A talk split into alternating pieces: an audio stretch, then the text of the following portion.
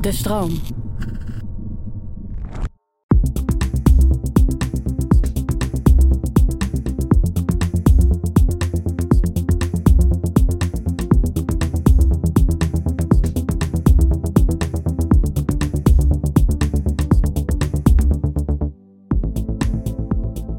Fijn dat je luistert naar de Podcast Psycholoog. Een podcast waarin ik, Marissa van der Sluis, samen met andere psychologen in gesprek ga over belangrijke onderwerpen. Om zo met z'n allen onszelf en anderen beter te leren begrijpen.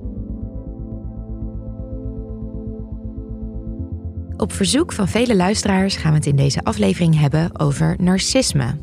Een label dat we misschien iets te snel op anderen plakken. Die ene wereldleider, je dominante collega of misschien zelfs je eigen ex. Maar wat weet je er eigenlijk echt van? Wanneer heeft iemand alleen een groot ego en wanneer spreek je daadwerkelijk van een narcistische persoonlijkheidsstoornis?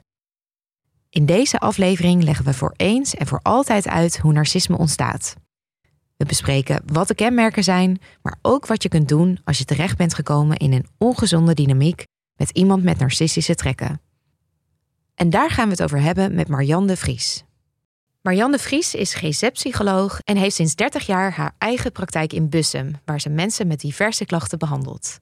Ze schreef samen met een collega onder meer het boek Grenzen stellen om ruimte te krijgen en Het is en blijft familie. Het recente verschenen boek Uit de schaduw van narcisme zullen we vandaag uitgebreid bespreken. Marianne, welkom in de studio vandaag. Ja, dankjewel voor de uitnodiging. Heel leuk. Heel graag gedaan. Ehm, ja, allereerst ben ik wel benieuwd hoe het komt dat jij zo'n affiniteit met het eh, onderwerp narcisme hebt. Ehm, ja, dat is eigenlijk een beetje ontstaan tijdens eh, de behandelingen die ik met, eh, ja, met de cliënten deed. En ze kwamen natuurlijk met allerlei klachten. Hè? Angst, depressie zie ik veel, trauma, onzekerheid, identiteitsproblemen. Hè? Dus we zien een diversiteit aan klachten. En uh, dat, dat hebben we ook geleerd om dat te behandelen. Ja. Maar je bent natuurlijk ook altijd nieuwsgierig. Waar, hoe moeten we die klachten begrijpen? Hoe, hè, hoe kan het nou dat mensen die klachten ontwikkelen? En ik kreeg steeds meer door dat er eigenlijk ook wel een gemene deler was. Hè? Dus dat er meerdere mensen eigenlijk vanuit hetzelfde patroon diverse klachten konden ontwikkelen. En als je er op een, op een gegeven ogenblik ook echt op gaat letten, dan merk je, dan ga je het ook zien. Hè? Dat is natuurlijk met alles. Als je weet waar je op moet letten, ga je het ook steeds vaker zien. En toen dacht ik, ja, hier wil ik ook wel wat mee. En zeker omdat cliënten ook aangaven dat ze heel vaak niet geloofd worden. Mm -hmm, want dit zijn partners, partners familieleden of, of ouders. narcisme. Ja, heel vaak kwamen cliënten erin, de, goed, inderdaad dat je dat aanvult. Ja. Inderdaad uh, hadden ze dan te maken met partners die toch heel ja, gedrag vertoonden waar ze heel onzeker door leken te worden. Of ouders die toch heel moeizaam uh, in contact stonden hè, met, met, met de cliënten. En ja, als je dat op een gegeven moment inderdaad gaat zien en ook gaat bespreken, dan zie je ook hoe opgelucht uh, cliënten daardoor raakten. Zo van, ja, maar ik dacht dat het allemaal aan mij lag. En andere mensen geloven mij ook niet. Dat komt vaak voor. Dat komt echt vaak voor. Ja. Omdat ze toch naar de buitenwereld een heel ander plaatje, vaak ook het ideale plaatje kunnen laten zien. Heel uh, amicaal kunnen zijn, heel enthousiast. Uh, en als iemand dan zegt, ja, maar thuis gebeurt er dit of dit of dat. Nee, dat, uh, dat zal je wel overdrijven. En dat maakt dat mensen nog eenzamer en geïsoleerder komen te staan. En toen dacht ik, nou, omdat ik het zo regelmatig tegenkom en het meer ga zien, mm -hmm. daar wil ik iets mee. Ja. Natuurlijk, tijdens het schrijven ga je ook terug in je eigen relaties en met ex-vriendjes nog eens de revue laten passeren. Ja, met die bril op. Ja, met die bril op inderdaad. En ja, dan, hoe was dat dan? Ja, dat is dan toch wel uh, bijzonder dat je dan dat, dat zo'n relatie dan toch in een ander licht uh, uh, komt te staan. Ja. En in wat voor licht dan? Nou ja, dat je ook denkt van joh, ben ik nou zo moeilijk of vraag ik nou zoveel en waarom ging die relatie stuk? Hè? Dus dat hebben veel meer mensen natuurlijk. Dus dan krijg je er ook wel een affiniteit mee. En ik denk ook als ik in mijn privé situatie met mensen praat, ja, dan kom je toch ook heel veel tegen. Tenminste, zo lijkt het in ieder geval wel. Dus ja, veel mensen uh, hebben er wel links of rechts mee te maken of kennen iemand die er mee te maken heeft. Ja. Maar toch is het nog niet altijd zichtbaar voor de buitenwereld. Nee. En even voor de duidelijkheid: mensen met narcisme kwamen niet bij jou in de praktijk. Nee. Die zie je dan weer niet. Nee, die zien we niet. Nee, en dat heeft natuurlijk ook een reden. Hè. Dat Ja. is natuurlijk, misschien komen we daar later nog op. Mhm. Maar ja, nee, want die leggen natuurlijk alles buiten zichzelf. Ja, dus het probleem ligt natuurlijk altijd bij de partner. Ik heb wel een keer meegemaakt dat een partner zei: Ja, ik wil wel even mee hoor, met jouw eh, gesprek. Dan kan ik de psycholoog precies vertellen wat er allemaal mis is met jou. En waar ze op moet letten. Dus Zo zag je ze toch, maar op een andere manier. Precies. Niet omdat ze zelf eh, een hulpvraag Nee. hadden. nee, ze komen helpen om mij even eh, te vertellen hoe het moet. En ja, dat is natuurlijk ook heel wonderlijk. Het is een hele wonderlijk fenomeen. Nou, daar gaan we het later nog eh, uitgebreider over hebben. Zeker. Ehm, ja, want laten we even teruggaan naar eh, het onderwerp narcisme in een bredere zin. Eh, Het woord narcist wordt echt te pas en te onpas gebruikt. Als je een beetje een ego hebt of zelfverzekerd bent, dan word je al snel een narcist genoemd. Maar wanneer spreken we nou echt van narcisme? Oftewel echt een narcistische persoonlijkheidsstoornis? En wanneer hebben we misschien gewoon last van een aantal narcistische trekken of narcistisch gedrag? Ja, dat is een, eh, een hele goede vraag. En eigenlijk is de literatuur daar niet eenduidig in.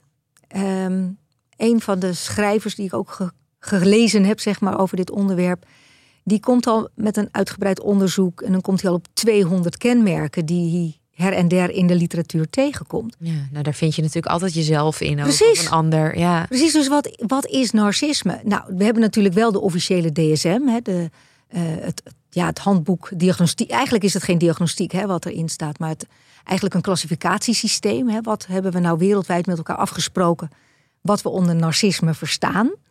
Nou, daar zijn dan eh, negen kenmerken in opgenomen.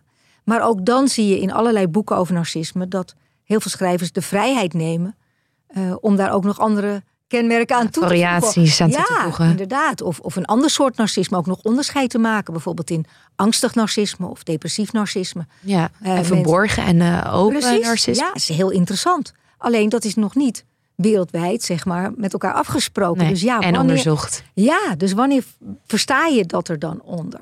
Nou, er zijn wel wat echter wel overeenkomsten. Hè, dat zien we natuurlijk wel. In gedrag zien we natuurlijk dat er geen wederkerigheid is. Dat mensen heel erg op zichzelf gericht zijn. Eh, zichzelf heel bijzonder vinden. De aandacht moet altijd naar hen gaan.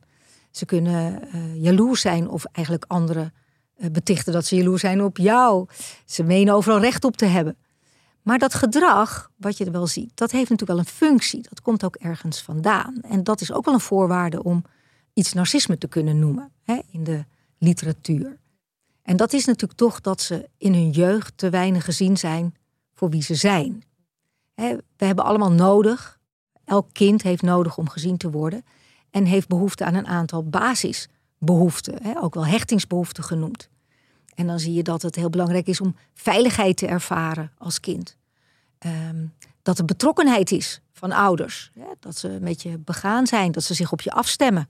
Kan je daar een voorbeeld van geven? Hoe dat dan in een ideaal geval zou gaan? Ja, bijvoorbeeld als je valt en je hebt pijn, dan is het natuurlijk heel fijn dat je getroost wordt. Ja. Dat je zegt, jeetje, ja, dat doet ook pijn. Hè? Wat is dat vervelend? Kom maar even hier.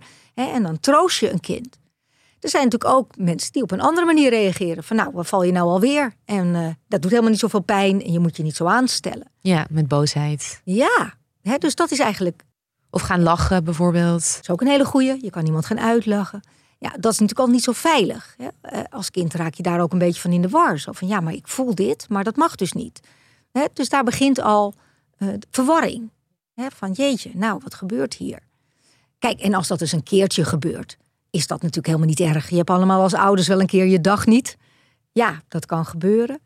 Maar als dat een patroon is, als dat regelmatig de boodschap is die je krijgt, ja, dan wordt het wel lastiger. Dan gaat er toch iets scheef groeien. Daarnaast wil je ook dat mensen natuurlijk positief over je zijn. Dat ze trots op je zijn hè, als kind. Dat, dat je gezien wordt. Dat ze zeggen, jeetje, wat kan je dat al goed? Hè? Dat hebben we allemaal nodig om een beetje positief over onszelf te kunnen Ja. gaan denken. Ja, gewoon normale waardering. Ja, precies. Maar ook dat er, dat de grenzen reëel zijn.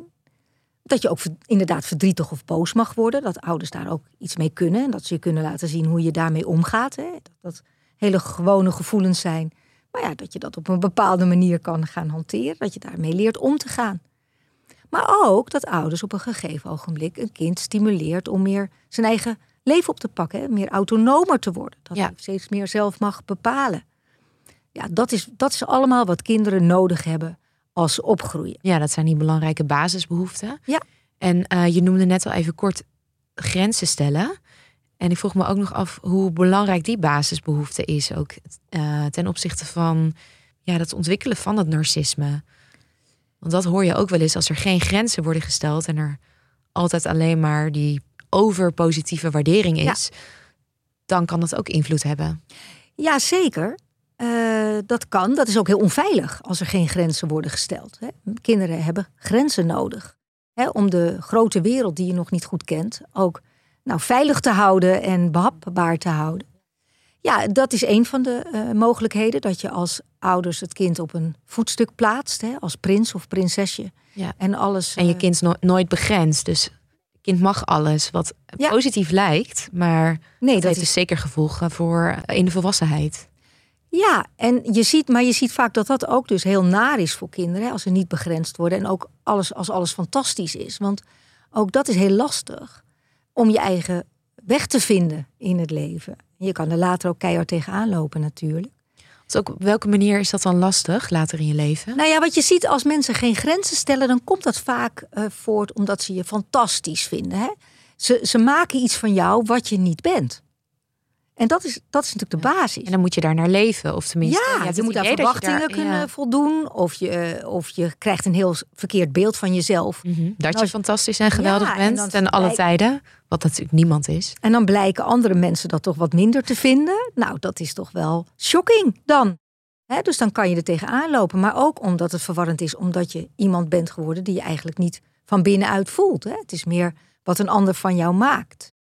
En de andere kant, hechtingsbehoeften, zijn heel veel mensen die heel erg met zichzelf bezig zijn.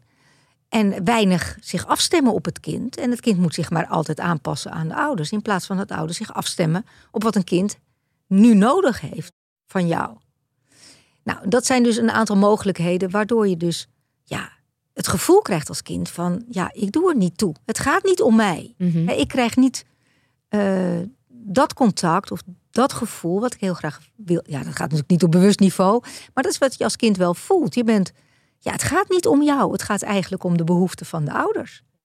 En daar moet je dan maar aan voldoen of eh, je moet het maar een beetje uitzoeken. En dan zijn ze zo teleurgesteld, maar ook soms heel, eh, is het heel pijnlijk dat je er niet toe doet. Hè? Ze ontwikkelen eigenlijk een heel kwetsbaar zelfbeeld. Hè? Want ja, wie ben je dan? En, eh, en het is heel, heel afschuwelijk om je zo te voelen. Want je wordt niet gezien door de ogen van de belangrijkste mensen in jouw leven. Nou ja, hoe belangrijk ben je dan? Zeker, Dus daar, precies. daar groei je dan mee op met dat idee. Dat is een van de kernpunten waar het dan fout gaat. En dan kan je daar als kind op verschillende manieren op reageren. Hè. Je kan eh, nog meer je best doen om wel eh, gezien te worden. Hè. Dat ze wel van je gaan houden. Een mooi voorbeeld daarvan vond ik trouwens in een boek wat ik nu aan het lezen ben van Robert Moscovic. Eh, de straatvechter, waarin hij dat ook heel erg beschrijft. Over Dat hij- zichzelf. ja, in Ja. relatie tot zijn vader. Uh-huh. En dat hij daarin heel duidelijk zegt van ja, en dan ging ik nog harder werken en nog meer mijn best doen. Dat zie je natuurlijk vaak bij kinderen, dat ze hun ouders trots willen maken. Tuurlijk. Ook Ja, al is het een soort van eh, dweilen met de kraan open. precies. En dat, dat vond ik ook een heel. Als je het hebt over voorbeelden, die beschrijft het dan heel duidelijk. En hiermee zeg ik trouwens niet dat zijn vader narcistische trekken heeft. Hè. Dat weet ik niet, ik ken hem niet eh, persoonlijk. Maar hij beschrijft wel hoe hij zijn best doet om gezien te worden. En dat er waardering komt. En dat het eigenlijk bijna zijn hele leven uitblijft. In zijn ervaring in ieder geval. Hè. Ja. Dus dat, is, dat vind ik eigenlijk wel een mooi voorbeeld hoe belangrijk dat is. Nou, een andere mogelijkheid is dus als je niet zo je best wil blijven doen, dat je heel erg vlucht en het ergens anders gaat zoeken. Dus eh, soms bij opa en oma of bij ouders van vriendjes. Dat je daar probeert zoveel mogelijk weg te gaan van je eigenlijk ouderlijk huis, waar je zo je rot voelt en niet gezien voelt. Dat is op zich nog wel functionele reactie. Nee, zeker toch? op Ja. dat moment Ja. is dat goed om er op die manier op te reageren. Maar een andere mogelijkheid is, is dat je denkt, zie je wel, je kan niemand vertrouwen. Je kan niet op de ander vertrouwen. Je moet dus altijd maar voor jezelf gaan zorgen. Want een ander doet het niet en die laat je toch altijd in de steek. Zo'n soort gedachte kan er dan ontstaan. Ja. En in plaats van dat je dan nieuwsgierig wordt naar andere mensen, naar de contacten, keer je naar binnen. En blijf je eigenlijk op dat moment in een soort van eh, stilstaan in je emotionele ontwikkeling. En dan krijg je een soort stagnatie. En dat kan je later weer zien, dat als, als ze zich heel bedreigd voelen, dat ze dan weer op een heel kinderlijk niveau kunnen gaan reageren. En dat kan ook weer heel verwarrend zijn voor mensen. Dat ze denken, ja, maar ik zie toch een volwassen man of vrouw. En dan dit gedrag, hè?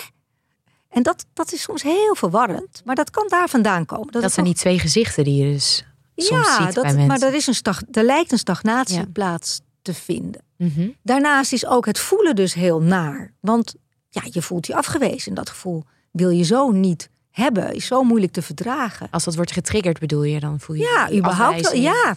ja, ze willen weg van het gevoel. Want Ja. dat, dat, dat raakt aan die kern van niet goed genoeg zijn. En dat zie je dan later ook. Dat ze heel erg veel doen om niet te voelen.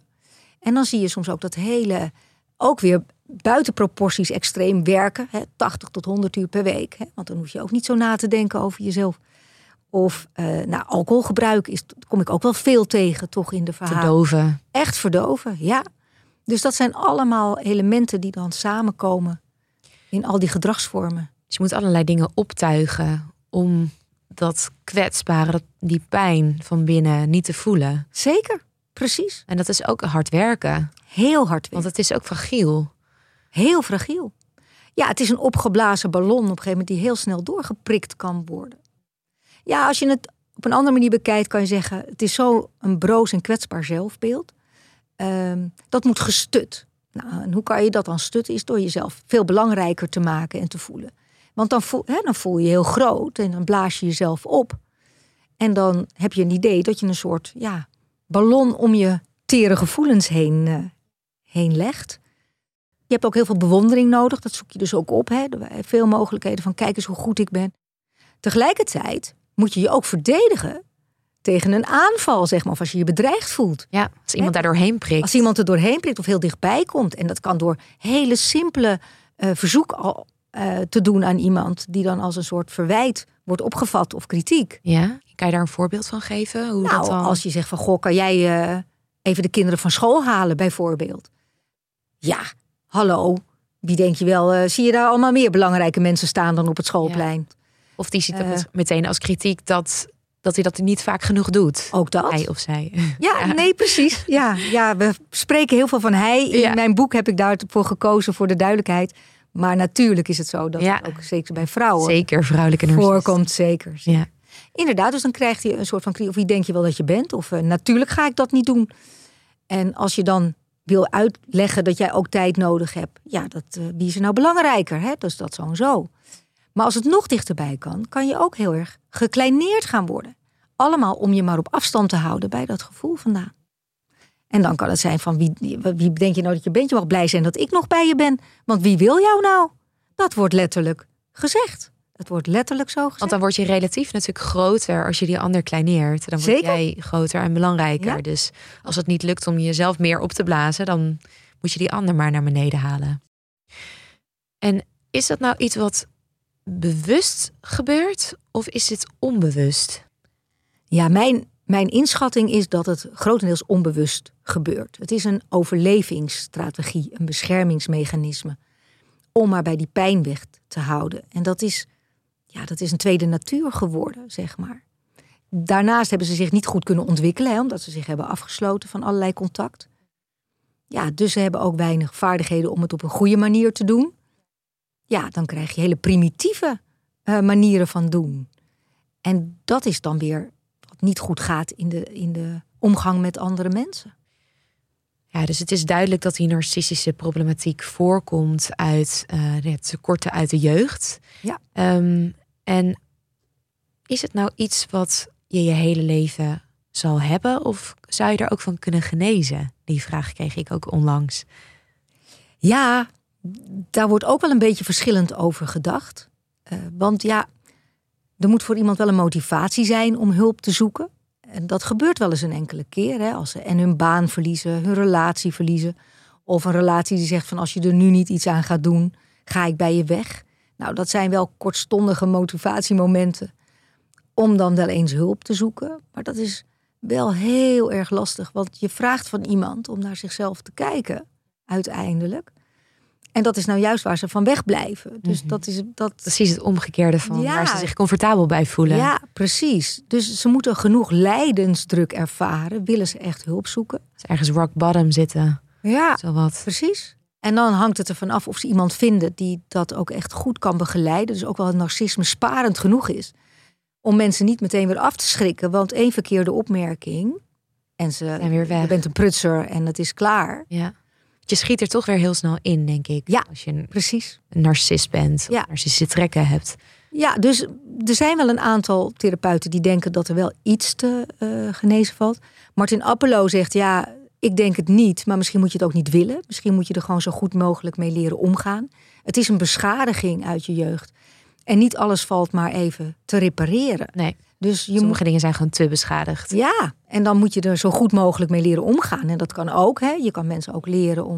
nou Met zichzelf bedoel je? Of moeten Ja. andere mensen beter met leren omgaan? zelf. Dat je zelf met bepaalde dingen leren omgaan. Ah, ja. ja. Martin Appelo is, is ook psycholoog. En die, eh, die geeft van zichzelf aan dat hij ook narcistische trekken heeft. Ja, klopt. En die heeft daar dus ook een boek over geschreven. Maar dan inderdaad vanuit wat is goed voor narcisten. Dus er is wel wat. Alleen verwacht niet totale genezing. Hè, dus daar moet je niet op inzetten. En zelf beschrijf ik in mijn boek nog een, een route die in ieder geval een begin zou kunnen zijn. Omdat je dan niet meteen eh, gaat kijken naar waar zit jouw pijn of eh, hè, wat voel je allemaal. Maar die heeft als ingang woede. Hè, Ja. dat, je, dat je zoveel woede hebt in je, eh, wat een ander jou heeft aangedaan. En dat past natuurlijk wel weer enigszins bij eh, het narcistische perspectief. Hè, ja, ja, jou is liefde onthouden, mensen doen jou tekort. Dus er zit heel veel boosheid en woede. Nou, dat zou een ingang kunnen zijn als je eerst naar die woede gaat kijken en dat een beetje leert te processen hè, en Ja. in banen te leiden. Dan eh, kan er misschien ruimte komen om heel voorzichtig meer de kwetsbare kant te gaan onderzoeken. Maar als het al lukt, dan is het echt een hele moeizame en hele langdurige exercitie, zeg maar. Dus het is niet iets wat met een quick fix eh, even te regelen valt. Het is echt een lang traject. Ehm, en je ziet vaak wel dat eh, de relaties van mensen met narcisme op een bepaald moment stagneren of stuk lopen. Wat zijn nou typische dynamieken die vaak ontstaan in het contact met iemand met narcisme? Ja, nou het, het belangrijkste is dat heel veel mensen denken met een, in een gelijkwaardige relatie te zitten. Hè, twee Ja, daar ga je van uit in eerste instantie. Precies. Ja, Ja, gek om aan te nemen dat dat niet zo is. zeker. Dus dat is, dat, daar begin je al. Ja. Maar daar gaat het al fout, want er is geen gelijkwaardigheid. Want eh, de narcist gaat natuurlijk, hoezo? Die laat zich al zo en zo niet aanspreken op iets. Hè, dat hebben we net gezien. Hoezo? Eh, dus die gaat meteen zorgen dat het allemaal weer bij jou ligt. Die gaat heel veel mist creëren. Gaat je pakken op kleine dingen die niet kloppen in je verhaal. Eh, die gaan eh, het omdraaien of gaan over iets anders beginnen. Wat jij helemaal niet kan. En weet het zo weer af te leiden. Met omdraaien, wat bedoel je daarmee? Nou, dat als jij bijvoorbeeld eh, niet naar jezelf kan kijken als narcist, zeggen ze: je moet eens leren naar jezelf te kijken. Je moet Ja, eens, ja, wanneer ga je nou eens eindelijk op jezelf reflecteren? Daar moet je maar eens even goed over nadenken. Wat ik hier nu net gezegd heb, ik ga het hier niet nog een keer herhalen. Dus alles wat je probeert in te brengen, krijg je meteen weer terug als het is jouw probleem. Daar, daar, dat is een dynamiek die heel raar is. Je wordt op je woorden gepakt. Je wordt op woorden gepakt. Je denkt, oh, maar misschien ligt het dan ook wel aan mij. Ze creëren een heleboel mist eromheen. Verwarring. Verwarring. En ja, Dus je gaat helemaal aan jezelf twijfelen. dat is een heel belangrijk element wat ik veel tegenkom. Mensen denken van, ik doe het niet goed. Als ik nou maar meer mijn best ga doen. Als ik er maar meer liefde geef. Ja. Je Eh. gaat ook meer op je tenen lopen dan. Ja, je gaat minder zeggen. Je, gaat het, je, je haalt het niet meer in je hoofd. Om nog eens te bespreken of hij de kinderen van school wil halen. Dus je gaat je in nog meer bochten wringen. Om het allemaal voor elkaar Dus het werkt ook voor Zeker. de narcist. Want Ja? ja, het zijn dus onbewuste of bewuste strategieën die uiteindelijk ook effecten hebben op degene binnen die dynamiek. Dus ja, dan en zo werkt het met gedrag. Als iets werkt, dan ga je daar mee door. Zeker, natuurlijk. Wordt natuurlijk ook niet begrensd, omdat de andere kant van de diade, om het maar zo te zeggen, die denkt dat het aan haar of aan hem ligt. Je houdt het in stand. Op die manier versterkt het elkaar. Zeker. Ja. En wat je dan ook ziet is dat ze ook enorm, als het echt eh, met hun rug tegen de muur staan, dat ze dan woedend worden. Echt. Maar niet de gewone woede, extreme woede. Alles is extreem. En ja, dat is zo intimiderend. Want dan wordt er iets doorgeprikt van dat uh, Ja, heel narcistische masker, zeg Ja, maar. dan kom je zo dichtbij dat jij iets fout hebt gedaan. Ja. Dan krijg je Dat is niet te verdragen. Nee, een voorbeeld daarvan was van een cliënt die eh, had in de telefoon, had al heel lang een vermoeden dat er iets speelde. Nou, had op een onbewaakt ogenblik de telefoon te pakken gekregen en het niet kunnen laten om er toch in te kijken. Nou, daar vond ze inderdaad dat er sprake was van andere vrouwen, meerdere. En nou, ze denkt, ik ga hem daarmee confronteren. En dan zal het wel mea culpa zijn. Nou, nee, het tegenovergestelde gebeurde. Zij kreeg de wind van voren hoe ze het in haar hoofd had gehaald om in zijn telefoon te kijken. Ja, en dan gaat het ineens daarover. Het hele gesprek gaat, jij probeert iets aan te kaarten en in één keer wordt het hele gesprek omgedraaid naar iets wat sowieso minder essentieel is dan het overspel. Zeker. En dat is wat ze dus met omdraaien voortdurend bij jou legt. Je komt er dus niet doorheen. Eh, dus dat is, dat is ongelooflijk. Dus dat is de dynamiek. Dat je denkt, ja, maar Wat gebeurt er toch- nou? Ja, dit is toch wel duidelijk dat dit niet oké is. Maar ja, maar jij, jeetje, eh, had je maar meer je best moeten doen in bed. Want ja, zoveel eh, stelt dat ook niet voor. wordt dit Hè? echt gezegd? Ja, dat wordt zeker gezegd. Eh, letterlijk ook in mijn boek staat: ja, wat kan jij nou, wat een au pair ook niet gedaan zou kunnen hebben? Hè? Dat soort opmerkingen Ja. komen echt voortdurend langs. En dan sta je, je- ja. natuurlijk met je rug tegen de muur. Er is geen doorkomen aan. Je krijgt dus ook nooit echt emotionele verbinding met een partner met deze problematiek. En dat is iets wat iemand natuurlijk naar hunkert hè, in een relatie. Zoveel vraag ik toch niet. Ik wil alleen maar dat we het samen fijn hebben. Hè? Dat we, En verder komen ook. En verder door komen. Zo'n soort ja, woede-uitbarsting. Er wordt ook niks opgelost, want je komt nergens bij. Er wordt niet van beide kanten gekeken. Wat is mijn aandeel? nee, En hoe kunnen we het Precies. beter maken, zodat we de volgende keer niet meer deze ruzie hebben? nee, ze kunnen zich niet verbinden. Er is geen wederkerigheid. Het is eenrichtingsverkeer. En het is ook nog eens verwarrend, omdat je denkt: ik zie een volwassen iemand tegenover mij, dus ik moet hier een Ja. volwassen gesprek mee kunnen voeren. Ja, en dat blijkt dan toch helemaal niet het geval. En keer op keer op keer niet het geval. Mhm. Zit er ook iets in de dynamiek dat dan degene met narcisme ook ve- veel eh, meer aan het woord is, bijvoorbeeld, en de ander zich steeds meer terugtrekt? Ja, kijk, het is natuurlijk als, als iemand kritiek uit, dan is het wel heel fijn als je die de mond kan snoeren. Dus ja, geef het vooral geen ruimte. Of, of kleineer het. Of laat iemand zich heel slecht over zichzelf voelen en ga jij maar eens over nadenken. Ja, dan is de aandacht weer afgeleid. En dan ben jij weer een tijdje veilig. Ja, ja, Maar intussen is er dus niks gebeurd in de relatie. Of is de kwestie natuurlijk uiteindelijk niet aan de kaak gesteld. klopt. Nee, dat is zo. Toch denken soms mensen dat het dus een ideale situatie is voor een narcist. Hè? Dat hij het helemaal voor elkaar heeft. Maar het is, het is ook lijden. Want, ze, want echt geluk zit er natuurlijk toch in verbinding maken met andere mensen. We voelen ons gezien door andere mensen. We voelen een wederkerigheid die een, echt een band schept.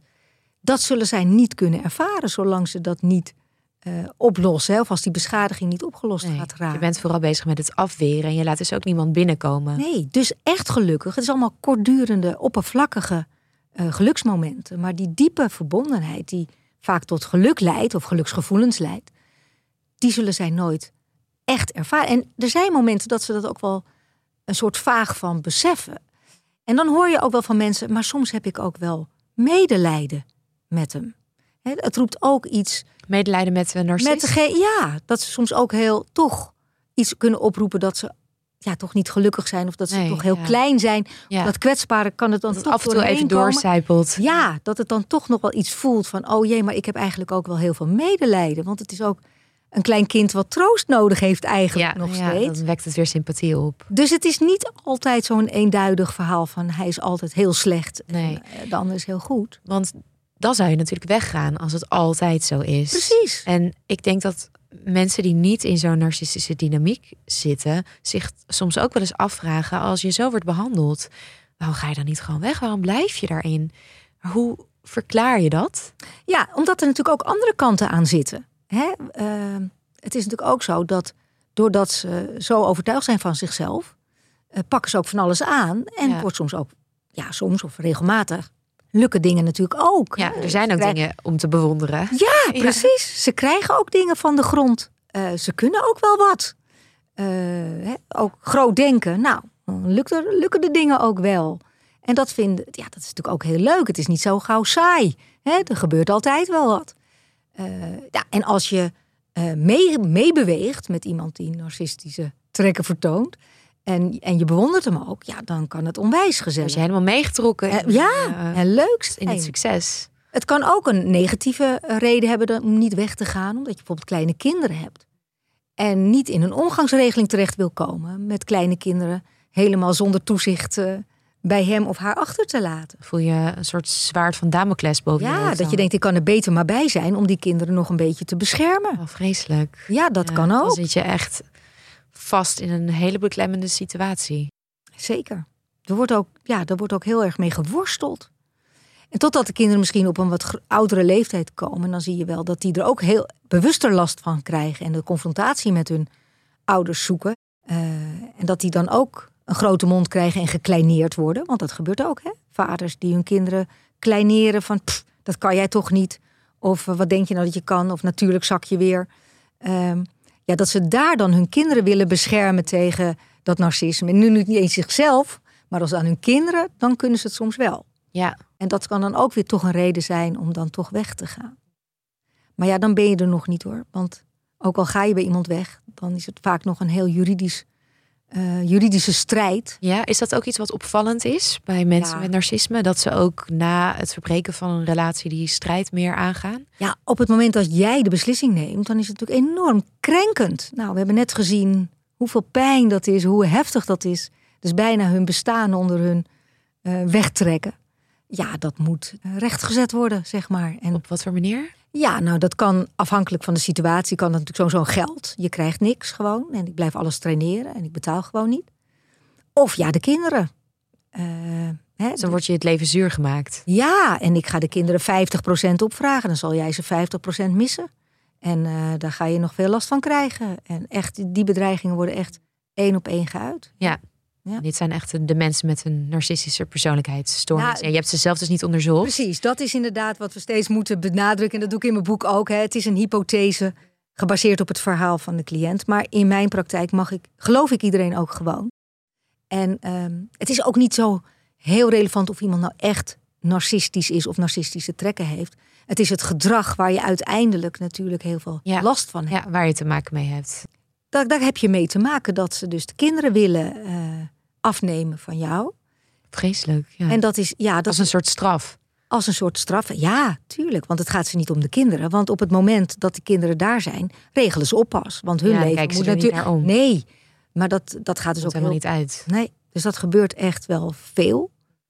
En daarnaast, ja, uh, je moet dus opboksen ook tegen heel veel instellingen die dat ook helemaal niet doorhebben. En maar blijven aanzetten van je moet in overleg met elkaar, jullie moeten er samen uitkomen. Ja, dat kan als je allebei volwassen gedrag vertoont. Ja. En in deze situatie. Niet als iemand er nog emotioneel in een uh, kinderlijke staat verkeert. Precies. En ze worden maar gedwongen en de kinderen moeten maar in de omgangsregeling mee. Ja, dat het is wel. Uh, het is echt een heel. Ja, en daar lijden mensen natuurlijk ook weer heel erg onder. Dus ja, wat je ook, waar je ook voor kiest, het is ontzettend zwaar. Ja. Dus dat is echt een typische dynamiek binnen een relatie, binnen een liefdesrelatie. En hoe zit het met uh, ja, familieleden en vooral de kinderen van iemand met narcistische trekken? Wat, ja. voor, wat voor dynamiek kom je dan vaak terecht? Nou, kijk, voor de narcist geldt natuurlijk dat hij bewonderd wil worden. Nou, en de kinderen, ja, als die het goed doen, dan straalt het ook op jou af als ouder. Dus er zijn uh, torenhoge verwachtingen. Hè? Ja, ja, daar uh, begint het al mee. Daar begint het mee. Je moet natuurlijk ja, wel. het waarmaken voor je ouders. Ja, ik heb even één keer een opmerking gehoord van uh, waar heb ik het aan verdiend dat dit mijn kind is die maar MAVO doet. Uh, dat wordt letterlijk gezegd tegen kinderen. Je, je kan het je niet voorstellen. Dat kan geen kind van mij zijn, wordt ook nog wel eens gezegd. Als Wat het... krenkt jouw zelfbeeld dan? Nou ja, het gaat natuurlijk om de perfecte plaatje naar de buitenwereld. Want dat is waarom jou, hè, jou, waar we het al gezien hebben, het kwetsbare zelfbeeld, gestut moet worden. Nou, als jouw kinderen fantastisch succesvol zijn, dan klopt het plaatje. En dan heb je weer een beetje een soort uh, buffer om je, om je kwetsbare zelfbeeld heen. Kijk, het gaat allemaal goed. Dus naar de buitenwereld geen probleem. Ja, het is weer iets nieuws wat je hebt opgetuigd om Om dat kwetsbare zelfbeeld te, te stutten. Ja, Ja, Precies. om je op te blazen. Dus je bent als kind gaat het niet om jou of om wat jij wil of wie jij bent. Het gaat natuurlijk om ja, dat jij natuurlijk het perfecte plaatje mee beweegt. En er zijn heel veel kinderen die daar ook hun best voor doen. Ja, tuurlijk. Want- Ja, Ja, ja. Dat voel je. En ook al is het niet, nou ja, dit wordt dus ook expliciet uitgesproken, maar natuurlijk ga je daarnaar leven. Ja, en als je ook nog ouders hebt die verder helemaal niet naar je omkijken, dan wil je daar juist aandacht mee trekken. Dus ik ben wel in- geïnteresseerd in hoeverre dat is. Ik heb daar nog geen onderzoek naar gedaan, maar ik zie regelmatig dat kinderen dezelfde beroep kiezen als hun ouders. Nou, dat zal in een aantal situaties gezond kunnen zijn. Die zegt, goh, het enthousiasme Ja, is op mij geïnspireerd. overgeslagen. Ja. ja, dat kan. Maar in hoeveel van die situaties is het om gezien te worden of om papa of mama trots te maken op jou? Ik weet het niet. Interessante vraag. Ja, dus er zijn heel veel verwachtingen eh, van ouders. Daar begint het mee. Nou, als je zo bezig bent met wat er van jou verwacht wordt, ben je dus niet bezig met wie ben ik en wat wil ik. Dus de identiteitsontwikkeling van kinderen blijft behoorlijk achter. Je bent je vooral aan het gedragen naar wat je denkt dat je ouders willen of die ene ouder. In plaats van dat je aanvoelt wat wil ik en En dat je daar ook de ruimte voor krijgt. ja, precies. En de waardering. En de waardering en wat leuk en interesse, dat ouders interesse in je tonen. Nou, ja, dat dat je je eigen persoon mag worden. Nou ja, interesse in een ander, dat valt niet onder het narcistische eh, hè, vraagstuk, zeg maar. Dat kunnen ze niet. Ze kunnen zich niet verplaatsen in de ander. Ze zijn er dus ook niet echt in geïnteresseerd. Ze zijn heel druk bezig met hun eigen zelfbeeld te stutten, elke keer weer en te beschermen. En dat is heel vermoeiend. Ja. En heel verdrietig ook. En heel verdrietig, ja, zeker. Want ze komen, wat dat betreft, eh, op een achterstand, grote achterstand te staan, wanneer ze dan bij mij in de praktijk eh, komen. Ja, want wat heeft dat voor effect eh, later in je leven als je een, opgegroeid bent met een narcistische ouder? Nou, faalangst kom ik echt veel tegen. Van, oh jee, ik doe het niet goed genoeg. Of straks komen ze erachter dat ik helemaal niet zo slim ben. Hè, dus Ja, dat soort imposter syndroom, ja, ja. dat komt veel voor. Eh, je zit in een beroep waar je eigenlijk helemaal niet in wil zitten. Dus haalt er ook niet zoveel voldoening uit. Of door faalangst ga je onder je niveau zitten. Waardoor je ook niet altijd gelukkig wordt. Je durft eigenlijk geen fouten te maken. Nee, nee, want eigenlijk is excelleren het enige om nog gezien te worden. De enige optie. Ja, nou ja, een van de. Als het maar goed is voor het beeld Ja. van je vader of moeder in dat geval. Dus het is wel heftig. En zij bepalen ook veel. Hè? Je ziet dat over grenzen stellen. Ik, ik had één, ik geloof Pim in het boek, eh, beschrijf ik dat duidelijk. Dat die vader bepaalde gewoon op welke kerstdag. eh, waar, eh, dat hij gewoon langskwam en wat ze aten en hoe laat. Ja. Op volwassen leeftijd nog. Ja, hij had al een eigen gezin. Ja. En dat die vrouw zei: Ja, maar dit is toch raar? dit kan toch niet? Je moet er wat van zeggen. Nou, dat durfde hij helemaal niet. En dat was een van de redenen om eens met mij te komen praten. En dat we hebben gekeken van ja, joh, dit is inderdaad ook niet gezond gedrag. Hè? Dat moet je eerst gaan zien. Wat is Mhm. dan wel gezond gedrag en wat niet? Want toen begon hij zich pas te beseffen toen zijn vrouw daar eh, Ja. van zei. Want je zit natuurlijk zo in die dynamiek. En je, die dynamiek waarin je zit met je ouders, dat, dat ben je normaal gaan vinden. Je vindt het niet altijd leuk of prettig, maar inderdaad, je weet niet beter. Hè? Dus dat kan zo zijn. En dat vaak een, een- En of dat je in een gezin van je vrouw komt en dat je denkt, hè, maar hier gaat het heel anders. Ja, Hè? Die praten gewoon rustig met elkaar. Of die zeggen sorry. ja of ik kan er ergens iets tegen inbrengen. Ja. En in plaats van, eh, ik, eh, ja, bier, geef even twee bier. Of eh, hè, je wordt gewoon. En dat je denkt, hè, maar je kan het ook gewoon vragen. En ze doen iets voor elkaar. Nou, dan kan het steeds bewust worden, hè, kan je bewustwording groter worden. Dat het ook niet iets is wat normaal is. Nou, en dat is, daar kan dan iets beginnen te wringen. Maakt het niet per se makkelijk, hè? Want je moet dan buiten je comfortzone, Ja, het is ook uit je comfortzone komen. Ja, en dan begint het werk ook pas als je het ziet. Ja, en da dan gaan we kijken met z'n tweeën van oké, hoe zouden we dat voor elkaar kunnen krijgen? Hè, En dat is dan weer een volgende fase. Dat Ja. je het eerst snapt wat er gebeurt. Mhm. En dan, ja, wat kan ik daar dan nu nog mee? Ja, dus als je in een dynamiek bent beland met iemand eh, met narcisme, dan kan dat hele grote gevolgen hebben. Zowel voor kinderen van iemand met narcisme als een partner binnen een liefdesrelatie. En stel nou, je bent daarin terechtgekomen. Wat zou je dan kunnen doen? Ja, eh, dat is natuurlijk een hele belangrijke vraag. Uh, nou, het is eerst goed dat je bewust wordt van dat de dynamiek inderdaad jou niks brengt. Hè? Of in ieder geval alleen maar klachten brengt. Dus het is goed om te beseffen dat dit niet is zoals het zou moeten. Dat is ook een pijnlijk proces. Zeker. Om dat te ontdekken dat degene ja. waarvan je houdt en waar je altijd zo'n positief beeld van hebt gehad en ook proberen te houden, denk ik, ook richting het einde. Want je Ja. probeert altijd het goede in mensen te zien. Dat je dan ineens moet constateren, het komt gewoon niet van twee kanten. Dat is wel.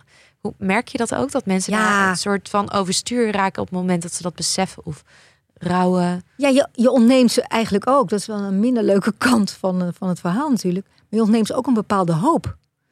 Mensen blijven heel lang hopen als ik maar mijn best doe. Als ik er maar alle liefde geef die ik heb.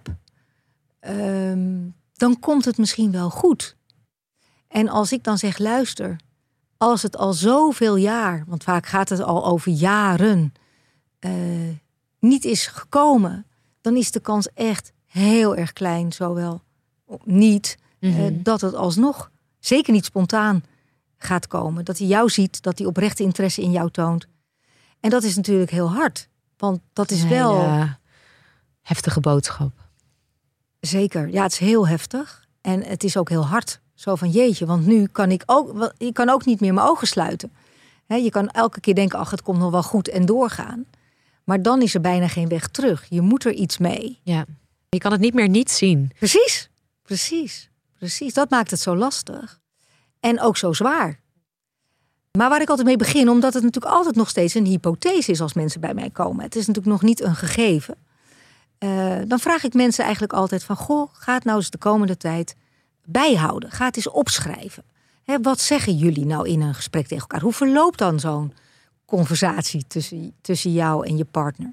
Wat voor dingen zegt hij steeds? Ja, want je bent ook zo in de war. Dus misschien Ja. is het ook goed om dat Ja. eens op papier te zetten. Probeer het meteen nadat het gebeurd is. Schrijf het eens uit. Wat werd er nou gezegd? En wat zei jij? Of hè, hoe ging dat dan? Hoe gaat het steeds? Hoe reageert hij erop als jij vraagt om de kinderen op te halen? Wat zegt hij dan? En hou dat dus allemaal onder elkaar bij. Nou, als je dat doet, dan krijg je natuurlijk wel heel veel inzicht dat er een patroon aan de gang is. Mhm. En dat betekent ook van ja, ik stel me ook niet aan. Kijk eens wat er allemaal onder elkaar hè, gezegd wordt. Het vervliegt ook niet meer zo. Dus dat geeft ook wat helderheid voor jezelf. En dat maakt je misschien ook wat minder onzeker. En Precies. dat haalt je ook uit de overtuiging dat het allemaal aan jou ligt. Zeker. In één Ja. keer zie je zwart op wit staan van hé, maar dit klopt helemaal niet. ja. Ja, dat is Dus- wel krachtig. En dat, ja, het is heel krachtig en het geeft je ook tijd om een beetje aan het idee te wennen. Hè, dus die registratieperiode, die kan je ook best wat langer doen. Dat hoeft echt niet eh, binnen één of twee weken klaar te zijn. Nou, het maar eens gedurende langere tijd bij.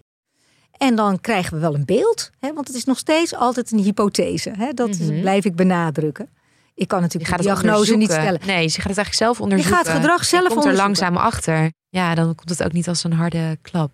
Nee, en, maar omdat ze zelf eigenlijk al gewend zijn om al die tijd zo negatief behandeld te zijn, dan zeg ik bijvoorbeeld: ja, maar als jouw kind dit nou tegen jou zou zeggen, hè, dat hij bij haar eigen man of zo, dat iemand zegt van je bent een prutser of wat dan ook, zou je dat dan normaal gedrag vinden? En dan opeens zie je die twist van: nou, nee, natuurlijk niet. Natuurlijk zou ik er geloven. Ja, maar waarom dan niet jezelf? Hè? Dus via kinderen kan je soms ook weer laten zien van ja, maar dit doe jij toch ook niet bij jouw kinderen? Waarom niet? Omdat dat niet goed is. Dus hoe gezond is dat dan? Ja, ja. En dan zie je dat mensen denken ja. En dan opeens gaan ze weer naar een andere normaliteit toe. Hè? Wat ik ook in het boek duidelijk laat zeggen, of, of zeg en ook laat, laat lezen, is ja, kleineren is niet normaal. Nooit. Nee, En ook al doen ze het wel, ja, dat kan wel, maar het is niet normaal. Hè? Dus je moet weer een ander no- nieuw normaal gaan krijgen. Die veel gezonder is voor jouw eigen waarde en zelfbeeld. Dus dat, dat is in ieder geval een belangrijke eerste stap. Nou, als we er dan een beetje van uitgaan dat er toch wel meer zit in iemands karakter, hè? dat hij ook wel beschadigd is geraakt, dat er in het verleden ook wel eh, nou, geen warme band is met de ouders. Nou, en we denken van nou, het zou echt wel eens wat, wat structureler kunnen zijn. Hè? Ja, dan kunnen we gaan kijken naar verwachtingen. Wat verwacht je eigenlijk allemaal van je partner? En wanneer raak je elke keer weer enorm teleurgesteld? En dan zie je dat de verwachtingen, ja, natuurlijk hebben mensen behoeften en verwachtingen die willen gezien worden, die willen ook geknuffeld worden. ja, dat zijn normale verwachtingen. Dat zijn hele normale verwachtingen, alleen niet bij deze partner. Hier gaat het niet lukken. Dus je zal je verwachtingen moeten leren bijstellen. dus dat is eigenlijk de tweede belangrijke poot. Van ja, het is heel normaal dat je dat verwacht. En het is niet raar en het is niet gek. Alleen deze partner zal het je niet kunnen bieden. Nee, ze kunnen het gewoon niet. Nee, want ze zijn beschadigd. En dat is elke keer, hè, dat kwetsbare zelfbeeld is een beschadigd zelfbeeld. Ja, ze zijn zo druk met op zichzelf gericht zijn. Ja. Dat ze dat, al zouden ze het willen, misschien niet eens zien Klopt. of opmerken. Ja, dus normaal mag je dat verwachten, alleen niet bij deze partner. Mhm. Nou, dus Ook dat is pijnlijk, om die verwachtingen Ja. te moeten bijstellen. Ja. Geen leuk proces. Het kost soms ook wel heel veel tijd. Ik had één cliënt die, eh, die zag eigenlijk ook wel in dat een toekomst niet meer in zat. Alleen was er op dat moment nog helemaal niet aan toe om ook al de knoop door te hakken. Ik zei, nou, maar dat moment komt vanzelf. Ik zeg, neem je tijd. En als je zover bent, eh, mag je altijd bellen. Dan helpt het wel als je al je eigen verwachtingen op een rijtje ziet. En, en je beseft je iedere keer dat daar toch nooit aan wordt voldaan. Nee, maar je moet je tijd nemen om. Het moet jouw beslissing zijn. Het zal nooit mijn beslissing zijn. Er zijn ook mensen die een, een modus hebben gevonden. Eh, en die zeggen, nou, voor nu is dat goed. En dat mag natuurlijk ook. Wie ben ik om te zeggen dat dat niet kan? Nee, Nee. dat iemand meer verdient. Nee, soms hebben mensen ook gewoon meer tijd nodig. Wat je zegt, het is een klap, het is een omslag. Eh, de hoop wordt een beetje de grond in geboord. Nou, dat is heftig. Daar heb je tijd voor nodig. Sommigen wel, sommigen niet. Voor sommigen is het net dat duwtje dat ze zeggen: zie je wel, ik zit er al zo lang tegenaan en nu wordt het bevestigd. Ja, ja. Eh, die is al verder in het proces. Hè, ook afhankelijk of er fysiek geweld is natuurlijk of niet. Hè. Er kunnen allerlei factoren een, een, rol spelen in dit proces. Maar goed, dus dat zijn al twee hele belangrijke die je kan doen. Eh, in de communicatie is het heel erg belangrijk dat je je niet laat verleiden tot een machtsstrijd. Wel eens niet dus, want die verlies je altijd. Want hij gaat gewoon weer iets anders erbij halen. Of hij pakt je op een punt wat Er wordt telkens wat bijgehaald, waardoor je het uiteindelijk nooit meer hebt over waar het over ging. Maar het is al twintig jaar niet gelukt. Dus Nee. waarom zou je dan nog eh, eh, een jaar eraan vastplakken? Het mag. Alleen mijn advies is om het anders te proberen. Ja, vertel, hoe En doe dat- je het dan? Ja, en dat is bijvoorbeeld door dus niet in de eh machtsstrijd te gaan, maar bijvoorbeeld te meer zeggen: de inhoud in. Nee, de inhoud ga je het niet over hebben. Dan zeg je nou ja, wat, als hij zegt van ja, want jij dit of dat, en dan zeg je goh, jammer dat je dat zo ervaart. Of ja, hè, dat kan. Of we kunnen verschillen eh, denken over een situatie. Hè. Dat kan naast elkaar bestaan. Mhm. Eh, ja, dat kan. Maar je gaat niet iemand overtuigen. Je gaat niet aan iemand trekken. Eh, en als hij jou kritiek geeft, zeg je... ja, goh, jammer dat je dat zo ziet. Of je gaat hem bevragen. Goh, wat maakt dat je nu zo reageert? Maar je gaat... Levert dat ook niet af en toe meer woede op nog? Als je ineens zo anders reageert, dat kan ik me ook voorstellen. Ja, als kan. een narcist merkt en het werkt ineens niet meer. Ja. Die strategie van, Maar ja, als hij dan zo reageert, geeft het allemaal informatie aan jou. ja, En alles levert informatie op. En met die informatie zal je uiteindelijk een keuze moeten maken. Dus je kijkt er eigenlijk met veel meer afstand naar. In plaats van dat je erin laat zuigen in de dynamiek. Ja, en, en dan moet je voor jezelf de afweging maken. Eh, is het positieve leven, hè, weegt dat nog op tegen het negatieve? En ja, er is er maar één die die keuze op zich kan maken. En dat ben jij. Ik kan wel helpen met aan te geven wat ik geen gezond gedrag vind. En dat het schadelijk is voor je eigen waarde en voor heel veel zaken. Eh, maar uiteindelijk is het aan jou of je die, eh, hoe je die afweging maakt. En ik, ja, ik maak ze aan alle kanten mee. Sommigen maken toch, vinden toch met de nieuwe handvatten die ze krijgen, hebben ze toch wat meer rust kunnen creëren in huis. En is het voor nu oké? Eh, alles is ook, ja. Soms heb je ook het moment is gewoon nodig om een beslissing te nemen. Hè. Ja, moet Praktisch gezien moet het ook maar, eh, maar net lukken om eh Nou, dat is dus een volgende te punt. stappen. Ja. Ik zal mensen altijd adviseren om op, in ieder geval financieel ook op eigen benen te staan. Want financieel afhankelijk zijn van iemand met narcisme, ja, dan geef je hem zo'n machtsmiddel. Ehm, dat moet je gewoon ook niet willen. Je moet zelf je eigen huis kunnen huren. Je moet je, hè, al is het een klein huisje. Want wordt dat ook ingezet als machtsmiddel? Ja, natuurlijk. Ja.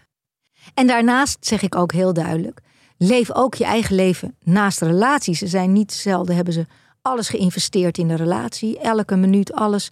Eh, ging niet meer naar vriendinnen, want hij wilde niet alleen thuis zijn. Hè, dus ga ik maar niet. Of eh, ja, je geeft wel heel veel geld aan jezelf uit, hè? En ik zit hier alleen. Ja, nou. Werd je helemaal gaan aanpassen. Ja, ja, dus ik moedig mensen aan om in ieder geval weer de contacten met familie meer op te pakken. Want ook die zijn natuurlijk prutsers en die familie van jou. Wat een kakel eh, gebeuren, daar ga ik niet meer heen. Worden net zo naar beneden gehaald. Ja, weet je, daar ga ik Zodat je geïsoleerd wordt, stapje Ja. stapje. Ja, dat, nee, maar dat is natuurlijk eh, beneden zijn stand of zo. Of, ja, dat kippenhok, daar eh, ga ik niet meer mee naartoe, daar heb ik geen zin in. Dat, ik ga dat niet voor jou doen, ik doe niks voor een ander. Je doet alles voor jezelf. Dus natuurlijk ga ik niet met jou mee naar de familie. Nou, vrienden, hè, is ook allemaal een beetje. Worden ook afgekraakt? Of? Ja, deels wel. En dan, want hij wil natuurlijk ook wel aandacht. En ik adviseer mensen dus om bewust weer contacten ook naast de relatie aan te gaan. En niet toestemming te vragen, want dat zijn ze ook bijna gaan doen. Hè? Van, uh, vind je het goed dat? Maar nee. helemaal afhankelijk van de toestemming van je partner om iets te gaan doen. Precies, dus ik zeg nee, je gaat het mededelen. Hè, van nou, dan, dan ben ik met, uh, met, met Siska eten of wat dan ook. En, uh, en als ze dan heel boos worden, dan zeg je ja, nee, ik begrijp wel dat je dat vervelend vindt, maar ja, ik wil haar toch ook graag een keer zien. He, dus je geeft wel erkenning voor ja, hoor, dat mag. die emotie, voor ja. de boosheid, maar je gaat het toch doen. Precies. Ja. Precies. Dus je kan ook wel begrip hebben dat iets moeilijk is of raar of vervelend. En dat je dat wel snapt, maar dat je toch je eigen keuzes wil maken. Ja. En dat werkt dus? In een aantal situaties wel. Soms hebben mensen nog wat meer nodig om weer. Hè, dan is het de eigen waarde en het zelfbeeld zo beschadigd geraakt door al die jaren. Dan is er meer nodig. Dan ga ik bijvoorbeeld ook uh, met mensen met EMDR aan de slag. Dat is een, een traumaverwerkingsmethode, uh, uh, een behandeling. En dan heel erg gericht op zelfbeeld. Dus als mensen denken van ja, maar ik ben ook niemand. Nee, want zo kan je achterblijven na zo'n relatie. Absoluut. Met iemand met narcisme. Dat absoluut. jij denkt dat je absoluut niet deugt en dat ja. er van alles mis met je is. Ja, en dan gaan we kijken van oké, okay, wat heb je allemaal meegemaakt? Waardoor je dat bent gaan geloven. Hè? Dat je niks waard bent of niet de moeite waard bent. En dan gaan we eens kijken welke herinneringen of welke gebeurtenissen heel veel impact hebben gehad. En heel sterk voor jou bewijzen dat het klopt dat je niks waard bent. En dat kan je dan weer proberen te gaan verwerken met EMDR. Hè? Nou ja, als je daar meer over wil weten, dan valt op internet natuurlijk genoeg over ja, te lezen. We hebben ook een aflevering gemaakt over trauma. En oh, mooi. Uh, nou. Ja, hebben we het ook over uh, deze behandeling. Ja, en dat kan je ook heel goed inzetten voor zelfbeeld, negatief zelfbeeld. En dan komt er ruimte om iets anders te gaan geloven dan van ik ben niks waard. Ja, dus het is echt goed om daar met een professional naar te kijken. Als ja. je mee blijft zitten. Zeker, omdat er ook veel angst bij komt kijken. Hè? Als, als dat, die narcistische woede bijvoorbeeld is zo intens, is zo intimiderend, dat mensen ook echt bang zijn geworden om ook nog maar buiten de lijntjes uh, te gaan.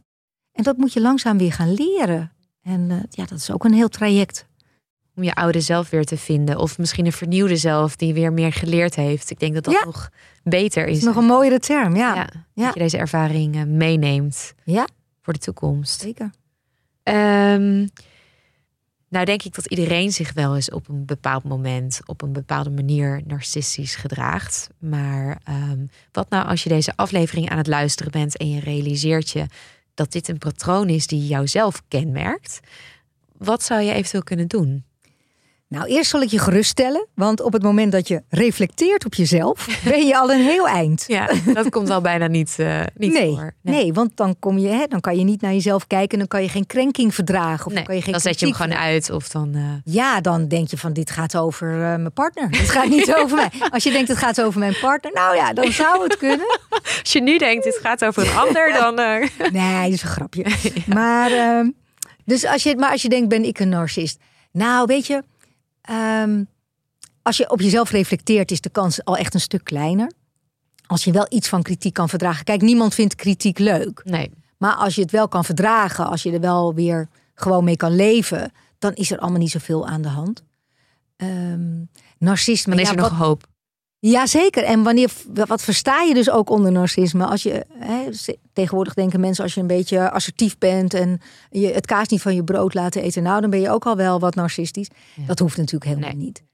Maar de echte schadelijke kanten van narcisme is als je andere mensen gaat kleineren, hè, uh, wegdrukken, uh, nou ja, echt uh, arrogant behandelt. ja, als je zo met andere mensen omgaat, ja, als je dat doet naar andere mensen, dan moet je je echt wel zorgen maken. Ja. ja. En wat is dan de eerste stap? Hulp zoeken naar de huisarts, ja. denk ik. De huisarts is de meest laagdrempelige uh, stap. Uh, maar goed, als er inderdaad steeds relaties mislukken, hè, dat kan ook. Uh, als je op je werk altijd ruzie hebt. Dat zijn echt wel triggers waarvan je denkt, goh, hè, ik, ik ben al aan mijn zoveelste baan, ik ga overal met ruzie weg. Um, partners lopen allemaal na anderhalf jaar gillend weg. Ja, als dat een patroon aan het worden is, Mhm. dat, dat zou voor mij Dat zou wel je een aan het reden denken zijn. kunnen zetten. Om het in ieder geval te Ja. onderzoeken. Zeker. er misschien wat over te lezen. En dan kan je altijd nog tot de conclusie komen dat het niet over jou gaat. Zeker, zeker. Eh, Oké. Ehm, ja, en mijn, mijn laatste vraag gaat, gaat over eigenlijk iets breders. Eh, want je leest ook wel eens dat in onze huidige maatschappij eh, narcistische trekken ook wel worden aangemoedigd. Bijvoorbeeld met social media zit ik nu ter plekke te bedenken. Ben jij het hiermee eens? Zijn er bepaalde omstandigheden die narcisme versterken? Nou, ik denk het niet. Ik denk als je, als je uitgaat van het beschadigingsprincipe, hè, dat je in je jeugd beschadigd bent, dat is natuurlijk onafhankelijk van de omstandigheden. Ik bedoel, dat ontwikkel je toch, hè, want je moet onder bewonderd. welke omstandigheden dan ook. Ja, je hebt wel meer podium, denk ik. Hè. Je kan via social media, als je narcistisch bent, natuurlijk een heel veel, ja, Ja, een groot ja, publiek bereiken. ja, je kan je Dus- goed opblazen. En, eh, Zeker. Dus, dus ik denk dat je wel meer kan laten zien. Ik denk niet dat je wezenlijk anders zou zijn als die er niet waren. Maar de uitleving is eh, misschien anders. Denk ik, ja. En de ik, begrenzing minder. zeker, want je kan natuurlijk maar doen wat je wil hè, op de social media. Zo goed als. Eh, beter voor jezelf opkomen. hè, een grote mond. ja, als je dat onder narcistisch ziet, misschien. Hè, iedereen is wat mondiger geworden. Alleen, het blijkt uit onderzoek dat de negatieve kanten, zoals dat minachten en, en kleineren, dat dat niet zo wezenlijk verandert door de, door de jaren heen. Dus ik ben daar niet heel pessimistisch over. Oké, gelukkig. Dan eindigen we toch nog met een positieve noot. Precies. Heb jij nog eh, een laatste tip of advies of iets wat je nog kwijt wil als het over narcisme gaat? Nou ja, wat ik de meeste mensen toch mee wil geven, dat de basis van toch een, een, een fijn leven, of in ieder geval een leven met veel voldoening, is dat je je eigen waarde goed bewaakt. Hè? Ik bedoel, laat je niet kleineren. Eh, zorg voor jezelf. Hè? Dat geeft de meeste mogelijkheden om, ja, om iets van je eigen leven te maken zonder te veel rekening te houden met anderen of met angsten of met wat voor, eh, andere zaken dan ook. Dus eigenwaarde is wel een kernwoord veel in mijn eh, behandelingen, moet ik zeggen. Ja, nou dan sluiten we af met deze mooie woorden. Oké, Dankjewel Marjan. heel graag gedaan. Vond je deze aflevering interessant en zou je meer willen leren over dit onderwerp? Ga dan naar de podcastpsycholoogclub.nl en word lid. En luister onze exclusieve aflevering over narcisme op de werkvloer.